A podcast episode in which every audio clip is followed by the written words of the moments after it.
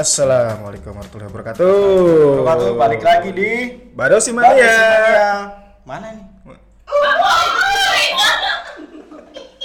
Aduh, buffer penontonnya. Baru, Hei. baru dua episode udah lupa ya. Baru dua episode. Ini episode ketiga, Bos. Baru tiga loh ini. Ya, Aduh. alhamdulillah. Alhamdulillah kita bisa bertemu lagi ya. Ya setelah lumayan lama sih ya Pin ya. Ada berapa lama tuh ya? Satu, dua, Dua minggu tiga minggu kan. ya. Tiga minggu. Nah, jadi sebenarnya episode pertama kedua tuh ada yang dengerin gak sih? Alhamdulillah. Sedikit.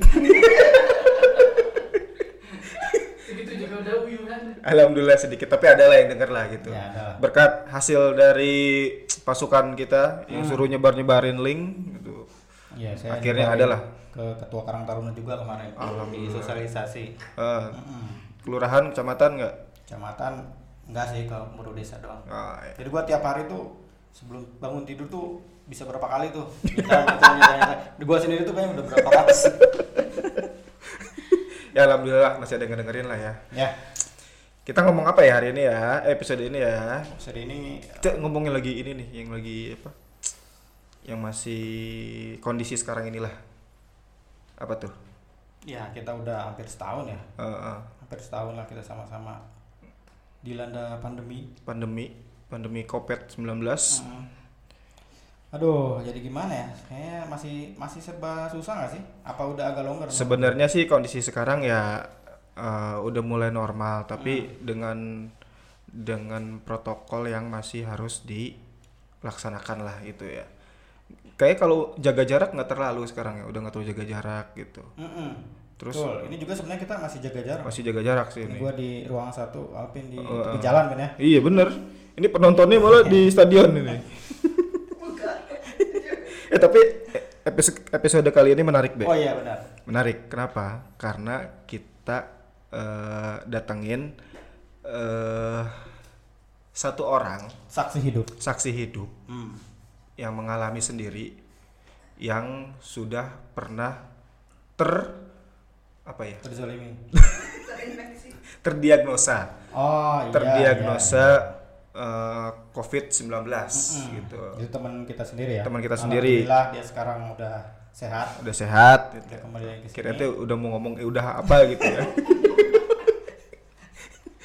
jadi sekarang alhamdulillah udah sehat jadi udah sehat. kita eh, ya tetap ya namanya namanya sahabat ya kita nggak nggak mengucilkan dia lah gitu ya nggak karena kita udah mengucilkan dia dari dulu Dari dulu sebenarnya dari SMA ya. dari SMA kita udah kucilkan Jaga jarak juga kita udah berusaha jaga jarak udah terus. jaga jarak dari dulu Iya. emang dari pertama kenal jauh-jauh pokoknya Jauh-jauh. pokoknya. Karena eh ya. oke nih nih eh, teman SMA kita eh, dia bulan apa ya bulan Oktober bulan Oktober dia terdiagnosa positif COVID-19 gitu. Sempet karantina ya? Di mana? Indonesian Idol? Oh di rumah. Oh di mau koper ya. sempet karantina isolasi mandiri. Berapa lama ya waktu itu? Nanti kita kita Nanti, ya, dengarkan aja pokoknya lah. nanti kita dengerin aja lah Hah? langsung dari. gimana kalau kita suruh pulang aja Tapi sekarang alhamdulillah udah sembuh ya. Terakhir udah negatif ya. ini sengaja eh, mukanya kita samarkan Iya. biar yang denger nggak bisa nggak nggak bisa Nggak itu bisa ya. membayangkan tapi sebenarnya bukan bukan buat pe- pendengar sih tapi demi kebaikan kita yang di sini gitu Demi kebaikan mata. Iya, makanya kita samarkan gitu ya Kita tutupin juga mukanya sebenarnya. Terlihat. panggil aja be Panggil aja sekarang. panggil deh Oke. Ayo. males manggilnya Awas ya, jaga jarak ya.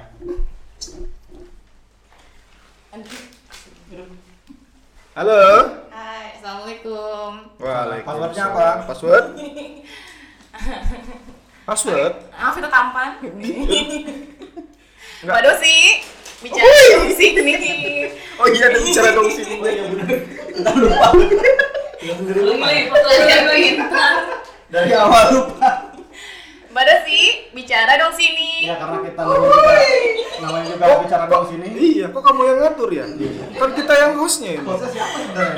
Dia flow director kayaknya. Kok dia yang ngatur ya? Ya, sesuai dengan nama kita ya, bicara dong sini ini Iya. teman kita yang mau Berbagi. curhat, berbagi Berbagi pengalaman. pengalaman bagaimana eh, keluh kesahnya Ah. sempat terkena terus kemudian eh, alhamdulillah udah sembuh. Mm. Walaupun ada yang nggak sembuh juga sebenarnya. Itu sih nggak sembuh sembuh Nggak sembuh-sembuh ya. Jadi gimana? Eh, kenalin dulu namanya. Udah kenal. Namanya siapa? Episode Nama- 2. nama siapa Oke. dulu? Vito. Ya, baik lagi kembali lagi dengan Vito di sini. Mau, mau ngapain? Mantan copit. Eh, Nggak, langsung mau cerita atau tanya Nggak, jawab nih? tanya dulu lah. Oke, siap. Sebenarnya Anda itu siapa? Enggak, sebenarnya pertama kali Anda tahu didiagnosis positif itu kapan? Udah gitu dari mana sih awalnya? Oh, eh, tanggal 21 Oktober Hmm. itu adik saya, adik saya, kayaknya Vito, nama aja. Adik Vito itu dapat hasil cek tes web. Oh, keren lulus Hmm. UN. Hasilnya itu positif. Hmm. Ah, makanya langsung gerak cepat dong. Namanya keluarga kan ya. ke- jadi kami ini masih satu rumah. Hmm. Gitu. Akhirnya semua di tes swab pada tanggal 22 Oktober paginya. Sekeluarga. Ya, satu keluarga. Karena kan mau tidak mau ya sadar diri sih, lebih ke sadar diri. Enggak, tapi sebelumnya kenapa waktu pertama kali di tes swab kenapa tuh adiknya kenapa? Oh, kenapa ada harus gejala. situ? Ada Oh. gejala dia hilang penciuman dan perasa. Indra penciuman, indra penciuman dan indra perasa. Dia kehilangan itu dan kebetulan dia salah satu perawat di rumah sakit umum daerah Lewiliang. Oh, Oh, gitu. berarti emang resikonya juga tinggi ya? Resiko. Iya, resiko. apa sih Dari disebutnya? kesehatan. Disebutnya nakes ya? Iya betul, tenaga kesehatan. Hmm. Gitu. Oke. Makanya tanggal 22 langsung kan gerak cepat dari pihak rumah sakit gerak cepat, alhamdulillah. Dan untungnya itu gratis. Jadi biaya ditanggung oleh rumah Siapa? sakit. Oh, Rumah, sakit, iya. Jadi nggak ngeluarin duit Enggak buat sama tes sekali, swab? iya. Oh, Paling gitu. mengeluarkan uangnya untuk persiapan kayak obat dan lain-lain sih gitu. Oh, Terus terus prosesnya itu eh, se- dijemput apa kalian yang Enggak, kami yang sana diantar oleh kakak di mobil. Hmm. Gitu. Oh jadi nggak nggak ada dari rumah sakit nggak Enggak, nggak nggak jemput enggak, gitu ya? enggak, iya. Nggak pakai iring-iringan iring-iringan apa gitu ya? Oh, enggak, enggak, enggak. Tidak seseram tidak seseram seperti yang di media kan sih. Nah itu nah, yang Media sosial itu lebay kalau menurut saya. bukan maksudnya bukan media sosial gue juga lihat sih sebenarnya waktu itu kan eh, gue lagi jalan terus ada apa iringan ambulans gitu ke daerah Karekel waktu itu Hmm. dan itu ngebut banget bawahnya si, si supirnya itu pakai baju APD ya APD. lengkap PD. gitu. Ah. itu nah gue nggak tahu tuh apa Hazmat emang ya?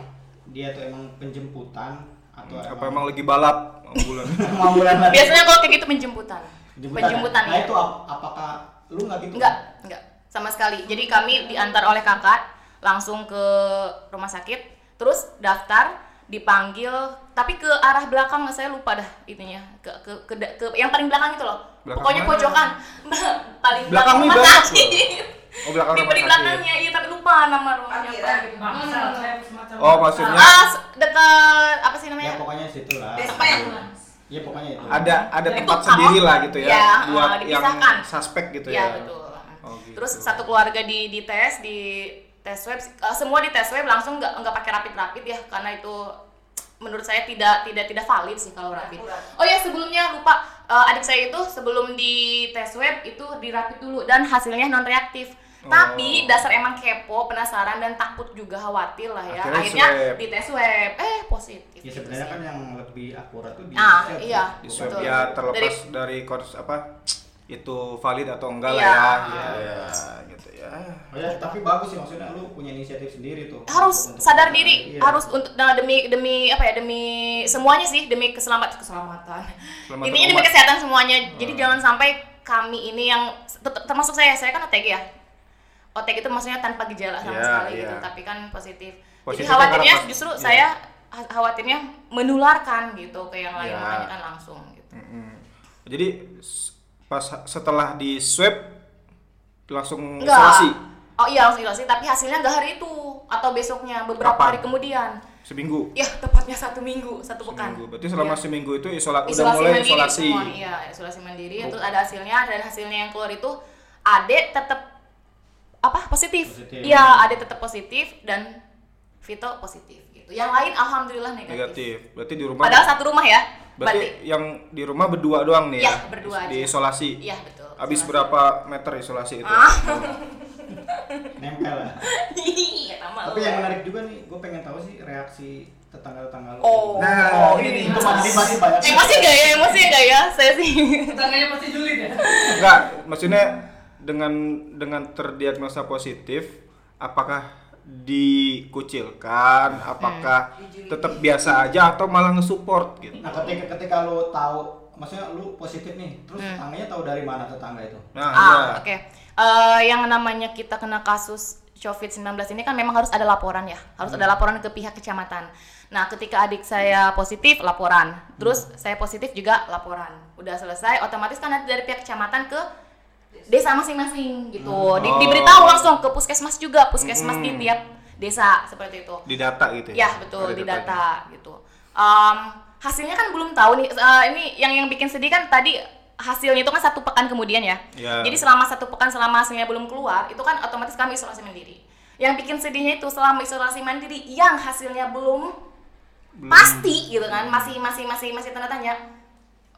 Eh, Macam-macam ma- reaksinya. Iya reaksinya subhanallah sekali ya. Jadi mayoritas itu kalau di presentasi 75% itu julid, 25% baik.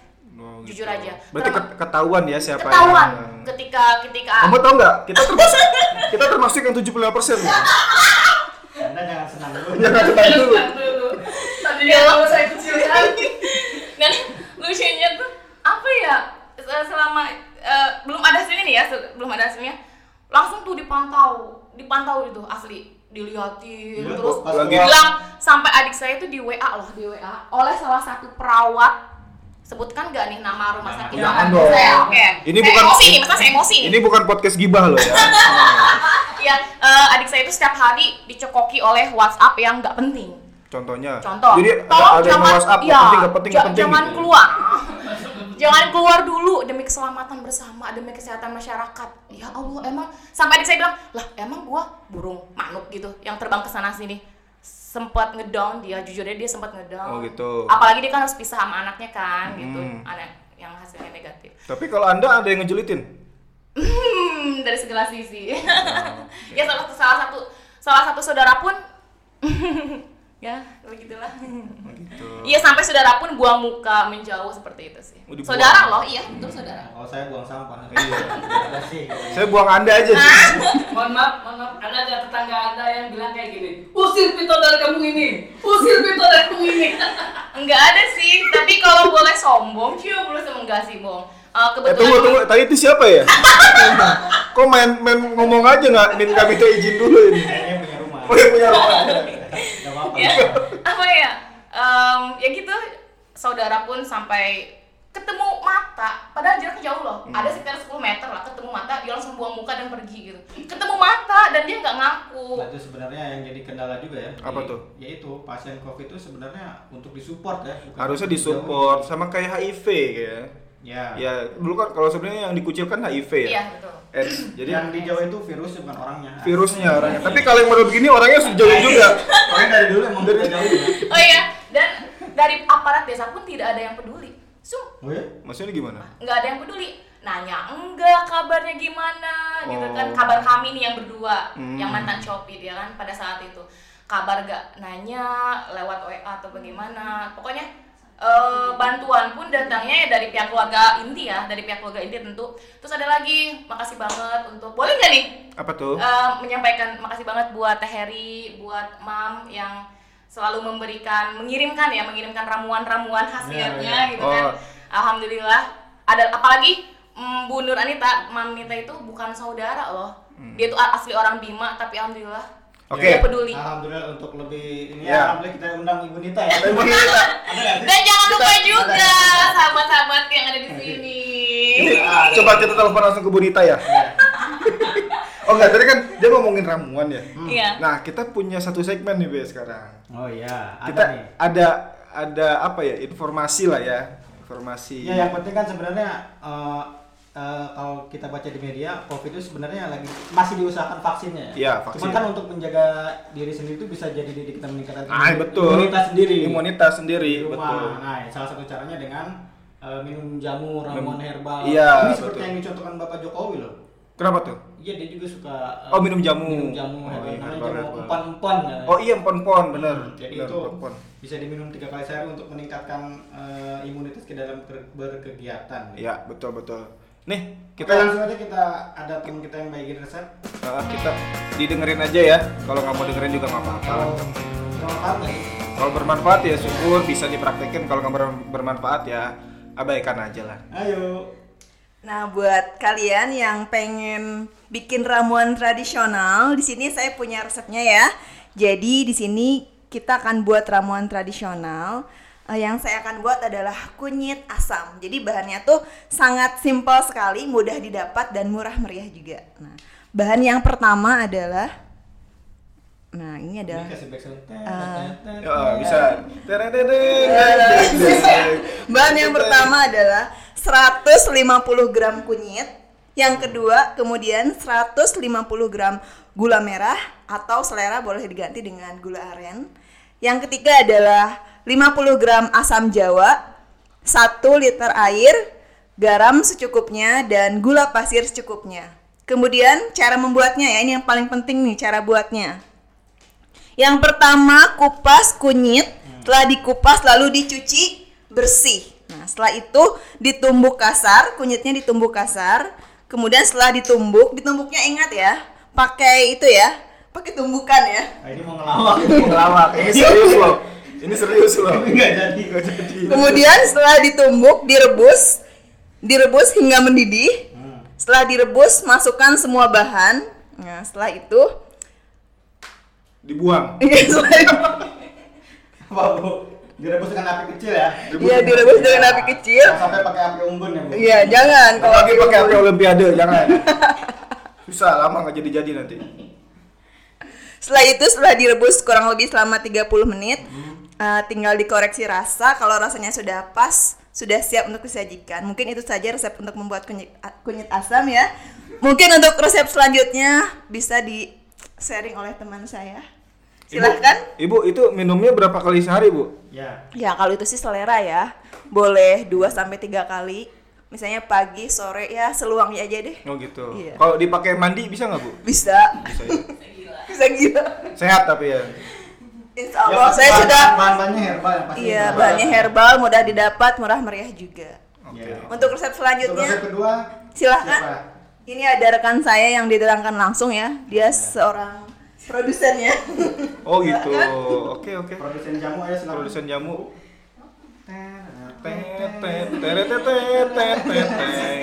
Tereng, teng, teng, teng, teng, teng. Ya, terima kasih kepada rekan saya yang pertama, Miss Mary, yang sudah menyampaikan resep jamu apa tadi ya?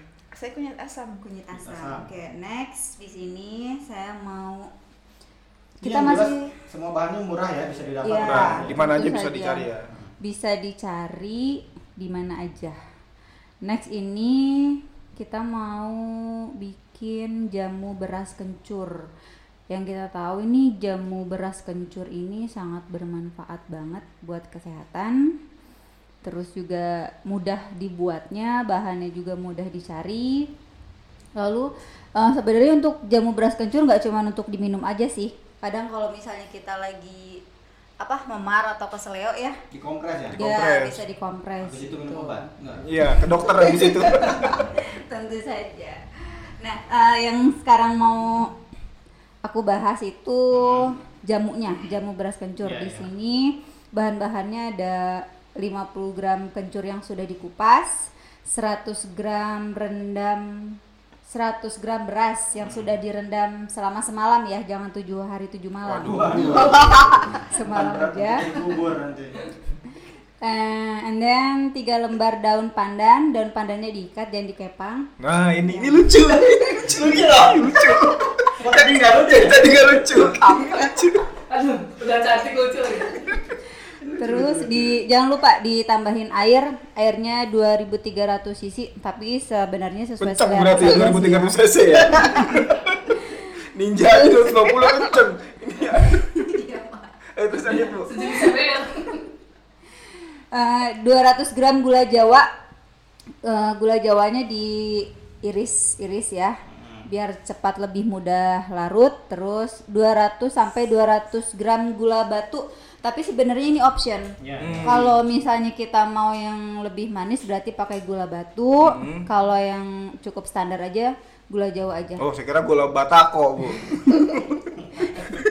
temennya gula semen pak ya. Eh, terus jangan lupa setengah sendok teh garam dan satu buah jeruk nipis.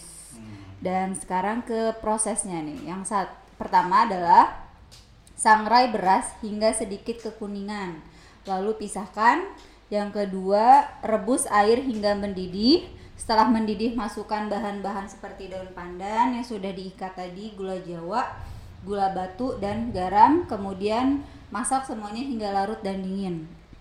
Yang ketiga, blender bumbu. Yang dimaksud di sini bumbu yaitu beras yang sudah disangrai tadi lalu diberi sedikit gula.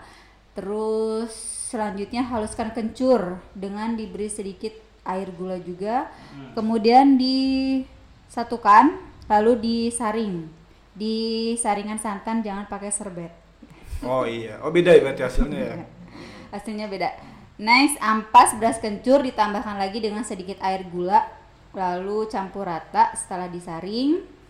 Selanjutnya semua bahan dicampurkan yang tadi dan yang terakhir adalah ditambahkan perasan air jeruk nipis untuk mengurangi rasa getir dari kencur sendiri. Nah, setelah hasilnya sudah jadi di sini Jamu beras kencur bisa disajikan secara hangat ataupun dingin sesuai dengan selera. Oke. Selamat mencoba.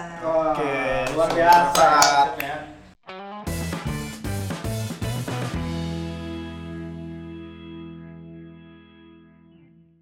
Ini benar-benar bisa dicoba di Bisa rumah. dicoba ya, di rumah. Oci. Nah, kalaupun repot ya beli aja, terus kencur sudah muncul ya. Bisa, ya. Yang saset udah ada sekarang. Udah ada. tidak muncul Oh, Ya nggak apa-apa. Apa-apa, siapa tahu masuk. Siapa tahu dapat sponsor sudah muncul. Jadi silakan dicatat aja buat yang mau coba buat eh, alternatif eh, apa ya?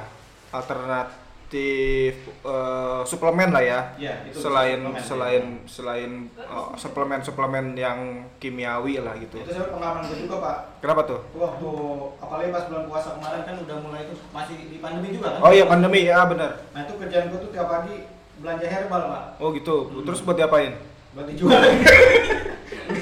buat di inilah buat di Konsumsi, dibikin. Iya. Oh Nah, gitu. Ya hampir kayak tadi lah mirip lah serai Serai. terus jeruk nipis Jeruk nipis. merah Iya. macam-macam tuh disangrai pokoknya gitu-gitu deh dan alhamdulillah sih kerasa banget seger banget tuh Oh seger kerasa. kan bulan puasa Oh, iya, iya. tapi asal jangan minumnya siang-siang Nah itu itu lebih seger sih.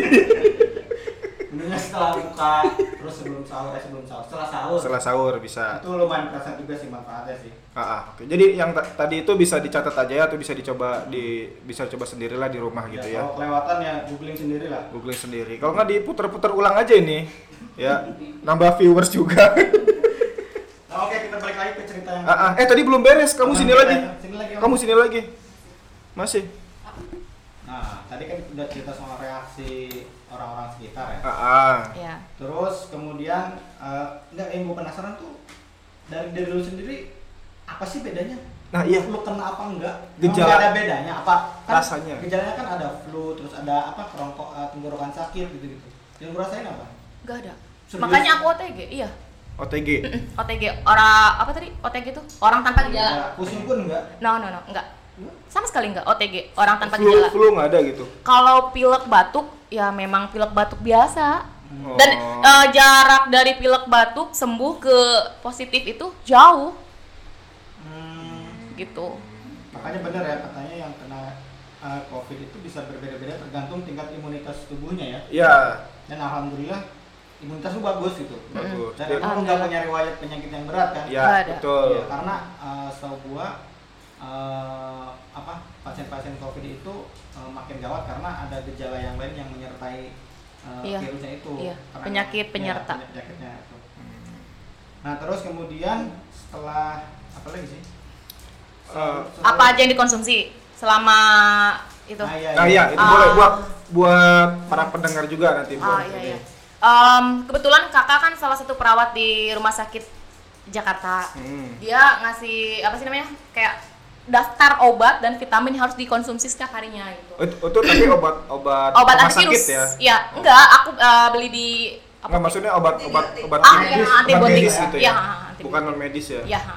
jadi campur aja gitu kimia dan alami. Itu se, eh, Setiap hari? Enggak, itu resep dokter apa sendiri? Eh, kebetulan kakak itu salah satu perawat yang menangani pasien COVID di rumah sakit tersebut. Oh gitu. Ya. Oh, makanya tahu, ya Tahu. apa aja ya Iya, gitu. Dikasih tahu. Eh, termasuk vitamin C dan D itu ya penting. Vitamin C, D dan B. Itu ya. Iya, kalau B sih eh, apa namanya standar ya untuk berapa miligramnya itu vitamin B itu hanya 500 miligram. Tapi kalau C kan 1000. Ya. Yang ini nih, yang bikin kaget yang vitamin D itu 5000 5000 per hari. Sedangkan nyari ke mana-mana itu nggak ada yang 5000 Jadi ada satu tablet paling tinggi tuh 1000 miligram. Ya, Bayangin dong, 5 tablet, mana gede-gede Ya, lagi ya, ya ya. Allah. Ya seperti itu setiap hari. Mantap, mantap dicek. Tapi obat-obat yang tadi dikasih dari kakaknya itu, Iya. itu obat di, obat dijual bebas apa Ya, di- harus resep dokter? nggak dijual bebas. Oh, jual Boleh bebas. ya, ha. Oh, berarti apa? berarti orang lain bisa lah ya Bisa, iya, Itu bisa. obat pencegahan apa obat penyembuhan? Penyembuhan, kalau ada gejala, minum obat tersebut. Kalau tidak ada, nggak apa-apa. Penyembuhan gejala. Ya, Iya. untuk membunuh vi- si virus itu gitu maksudnya. Tapi kan berhubung saya positif, otomatis kan harus konsumsi supaya Iya. bisa membunuh virus tersebut gitu. Oke. Kalau makanan yang lain, Makanan yang lain, ya itu biasa makanan makanan 4 sehat 5 sempurna. Bisa dibayangkan lah ya, maksudnya 4 sehat 5 sempurna itu apa aja gitu. Iya, iya. Ah, pokoknya yang bergizi, halal terutama. Nah, terus setelah setelah ter- terdiagnosa negatif, Hmm. itu berubah nggak pola hidupnya? Berubah. Maksudnya kok dari pola makan? Oh iya, sama ada yang berubah juga, sedikit sama sih. reaksi sekitar juga. Ah. Tahu lu negatif, apa udah berani negatif? Apa, apa sampai sekarang masih ngejauhin? Enggak, tiba-tiba dia datang ke rumah. Ngapain Terus tuh? ya nggak ngerti ngapain. Aku sih biasa aja. Kayak like, Serius ada yang datang gitu kan. Lah kemarin ke mana aja gitu. Oh. Gitu sih. Nah. Karena sebenarnya gini kata kakak kan eh, di media sebenarnya eh, untuk virus ini setiap saat itu ada ada ada ada perkembangan dalam arti ada informasi terbaru gitu yang harus disampaikan kepada masyarakat. Nah, ini berhubung Masalahnya ngomong-ngomong informasi terbaru, Iya. ini kita ada informasi terbaru nih dari Bapak Dustin. pokoknya kita mengundang dokter Reisa Boto ya. iya, aduh, Iya, ja- nggak juga. jadwalnya padat ya. Terus mengundang juga eh, dokter eh, Fernando Rodriguez. Iya. Dari kepala kesehatan dan Iya. kependudukan eh, Kuba.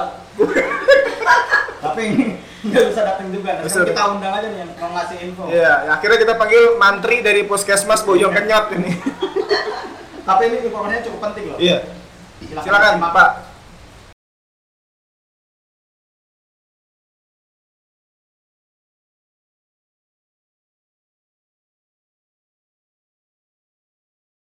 Selingan info. Tahun 2020 dimulai dengan COVID-19 dan diakhiri dengan detik 19. Wah. Ini maksudnya apa? 19 Detik 19 itu apa ya? Ya yang lagi rame aja. Oke ya, oke. Terus Ini infonya apa jadinya? infonya apa, Pak? Tadi dah kan selingan info. Info selingan namanya juga Ini selingan. Ini bentar. Asli nggak? 19 detik asli sih kayaknya. Ini ngomongin apa sih? Saya gak mau komentar. Lu sumbernya mana? Sudah ada yang ditangkap Ini soalnya. nih, nih baca nih. Gimana sih narasumber? Narasumber Nggak nggak nggak nyiapin data. Selingan info. Ya, apa? Update COVID-19 di Indonesia. Hmm. Pemerintah Indonesia kembali mengumumkan 5.444 kasus baru COVID-19 pada Jumat 13 November 2020.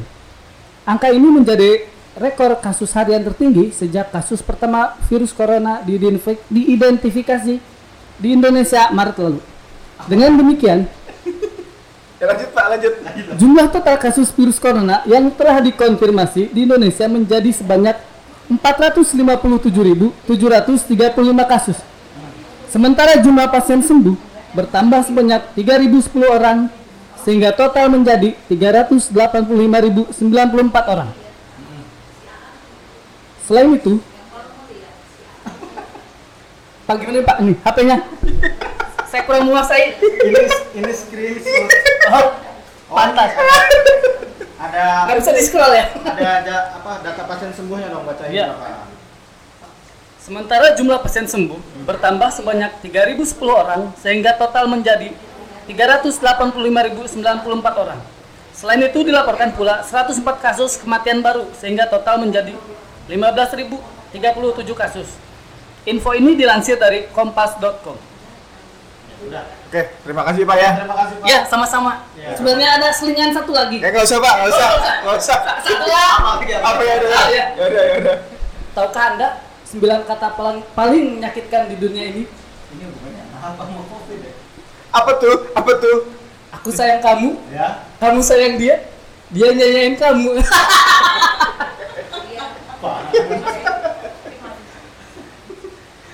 Oke, ya. Oke, Itulah pokoknya. itulah ya berita dari eh, beritanya penting sebenarnya. Beritanya penting ini Informasinya angka- penting. Data-data emang uh, Ah. resmi ya dari dari dari kompas.com.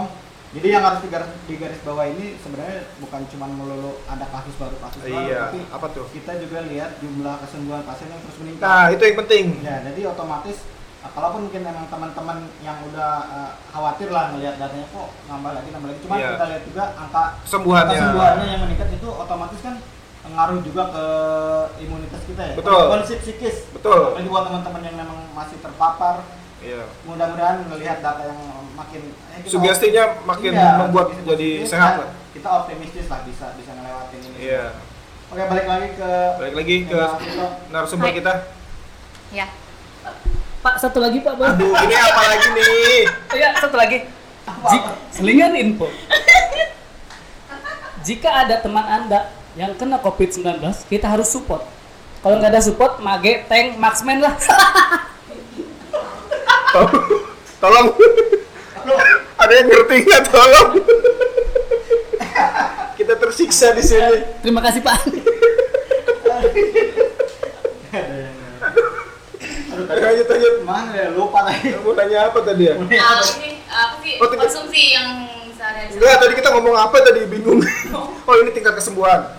Apa sugesti buat sembuh gitu. Ah, ah, lu sendiri, lu punya sugesti sendiri nggak? Nah, ah, wak- waktu terdiagnosa positif, cuek, ah, gua, gua positif ah, gua ah, yang penting gua taat sama protokol kesehatan terus hari ini gua nggak terlalu mikirin gejala-gejala itu gitu. Apa gimana? Em, jujur sih pas ngedenger ada yang positif biasa aja nggak Biasa. terlalu kaget nggak tahu takut kenapa nggak? Takut nggak? no nggak nggak takut sama sekali lebih ke kayak Tapi adanya yang takut ke kamu ya? lebih ke kayak persiapan diri nggak tahu feeling feeling tuh kayak gini eh, doa udah usaha udah ketika memang harus kena itu takdir Ya. ya, tinggal dinikmati aja sih Nah, permasalahannya adalah mungkin karena aku belum nikah jadi nggak nggak berpisah dengan suami atau anak gitu kan biasanya yang bikin yang bikin jatuh atau ngedown itu kan yang pisah dengan anak pisah dengan suami sih ya, yang aku yang aku yang aku lihat sendiri ya gitu. Karena aku dan adik itu beda. Adik itu merasa tertekan Hmm. nangis. Nangis setiap hari hampir nangis selalu nangis gitu kan. Kamu yang bikin nangis ya? terus kalau Fit sendiri malah ketawa ketawa. Cuek berarti. cuek aja biasa. Cuma sedihnya memang eh, pisah dengan salah satu ponakan yang yang Vino sayang lah gitu Oh, sedihnya itu aja iya my baby bala-bala Jadi bagusnya emang pola pikirnya tetap positif ya. Iya, harus positif. Ya. ya kan ditambah ada ada sahabat juga orang-orang baik di sekelilingnya yang Nah, itu yang penting support. Support Gitu. dari sekitarnya, dari temennya, dari keluarga. Uh, punten cuman keluarga dan sahabat aja ya Iya, itu kan kejadiannya, tapi seharusnya, Iya. seharusnya kan ada yang support lebih banyak gitu ya. Ya, jadi gitu dah. Ya, tapi uh, alhamdulillah sih sekarang udah kembali negatif. bisa beraktivitas Kembali ya. Adiknya gimana? Udah sembuh juga? Alhamdulillah barengan. Barengan. Iya, barengan gitu. Alhamdulillah. Em, mungkin gini ya, boleh ngasih Boleh, pesan boleh, tidak gitu. Boleh, Jadi boleh. kan karena pengalaman pribadi ya. eh, selama kita terkena copit atau positif copit, yang pasti satu harus ikhlas. Pertama kali itu harus ikhlas. Nikmatin aja. Jangan mikir yang macam-macam terus positif. Apalagi kalau yang OTG ya. Kalau OTG sih alhamdulillah ya dalam arti badan tuh fisik tuh sehat kan. Hmm. Beda dengan yang jatuh sakit yang harus sampai dirawat gitu kan. Hmm. Alhamdulillah kalau yang OTG itu ya udah tinggal kita meningkatkan pikiran yang positif, terus dapat support dari orang-orang sekitar. Ya. Banyak berdoa, mendekatkan diri, Pastinya lebih mendekatkan diri kepada Allah gitu. Super. Memperkuat sendi-sendi keimanan ya. Iya, Iya, oh, seperti super itu. itu. Ya. Jangan ragu, lihat aja kan sekarang kita megang HP ya. Ya. Ya udah sih nikmatin aja nonton di YouTube ya kan Iya, cari betul. cari uh, acara-acara komedi gitu. terus baca Wattpad mungkin gitu kan baca novel apalagi ya ya Dengerin buka-buka Dosi. medsos Dengan dengerin Mbak Dosi iya bener iya bisa Jadi intinya diisi dengan hal-hal yang positif. yang positif Ya. Emang harus begitu ya. Jadi abaikan aja sih yang julid gitu kan memang sih kesel tapi ya sudahlah gitu toh kalau kita percaya Allah itu adil insya Allah Alah, akan ada waktunya gitu super super. yang pasti terusnya kalau ada di sekitar kita yang juga terkena covid atau positif please jangan dijauhi dimusuhi dijulitin justru kasih support apa pun bentuknya boleh lewat WA dengan dengan kata-kata yang baik gitu Iya. atau sekedar melihat dari luar panggil hai Iya, gini, timpuk sehat ya, gitu ya. semangat Ih, itu pun sudah Iya, jadi iya, support iya. loh sebenarnya jadi bukan berarti tidak boleh di, di didatangi sebenarnya boleh Boleh. didatangi iya boleh didatangi tapi dalam jarak tertentu gitu Iya, jaga jarak. seperti itu iya jaga jarak Oke, Ya, sungguh inspiratif ya. sangat inspiratif. Biasanya biasanya podcast kita unfaedah ya. Anfaedah. Tapi kali ini alhamdulillah ada Alhamdulillah. yang bisa dipetik ya. Ya bisa dipetik ya. Ya, yang penting ya itu tadi kita harus disiplin ya tetap karena memang pandemi itu sebenarnya masih ada kan. Masih Secara, ada. secara teori dan secara praktik masih ada. Tapi sekarang baca-baca katanya sudah mulai dirubah. Udah bukan pandemi tapi sindemi. Sindemi. Sindemi. Jadi dari pandemi Hmm, digabungkan turun. dengan sinergi. Oh. Jadi di- dijadikan positif nih si pandemi ini. Jadi di, jadinya sindemi gitu. ya apa pun yang penting kan sebenarnya kedisiplinan dari kita sendiri ya. Iya, betul. Mau benar sih itu tadi mau kita mungkin eh, terpapar atau tidak, yang penting kan protokol-protokol tadi tetap kita jalani ya. Is, awas hati-hati ah ngomongnya. Tapi protokol protokol. Ya itu pokoknya itu harus Itu lah. jalani. Pokoknya pro Tetap itu cuci tangan, cuci, cuci tangan. terus juga jaga jarak, eh, terus ya itu dah pokoknya patuhin aja semuanya yang sudah diperintahkan oleh pemerintah dan juga petugas kesehatan. Iya, insya Allah lah kalau emang kitanya disiplin, kitanya bersih, jauh-jauh lah itu ya. Iya, amin. Oke, segitu aja deh. Ah, segitu aja dari Semoga semuanya sehat ya. Iya. Amin, amin. Keep keep ini ya, keep keep your body in in health condition aja ya gitu ya. Uh, stay safe. Kalau ke mana-mana ya kita bawa hand sanitizer lah ya. Masker jangan lupa gitu. Pokoknya gitu aja lah. Iya, kemarin Hmm? Kenapa tuh? iya kemarin gua pakai masker juga, Pak. Masker Naik- apa? Naik motor kan. Terus? Ada pemeriksaan tuh. Ah, terus? Tugas. Terus? Gua di stop di motor. Kok di stop? Ya gua pikir kan surat-surat kan. Ya, Surat-surat lengkap, Pak. ya terus Eh, itu pakai masker. Gua buka ya, Bang. terus Pakai masker, Pak. Aku sih tetap dimarahin. kok dimarahin? Pakai masker bengkoang, Pak. Aduh. Jangan ditiru. Pak. Itu jadi masker yang standar ya. Yang standar. Nah, standar buat ngelas juga nggak apa-apa. Oke, Oke, gitu aja ya. Terima kasih Terima kasih semuanya ya. Sampai Sampai jumpa jumpa. di kesempatan berikutnya. Dadah semuanya. Ciao.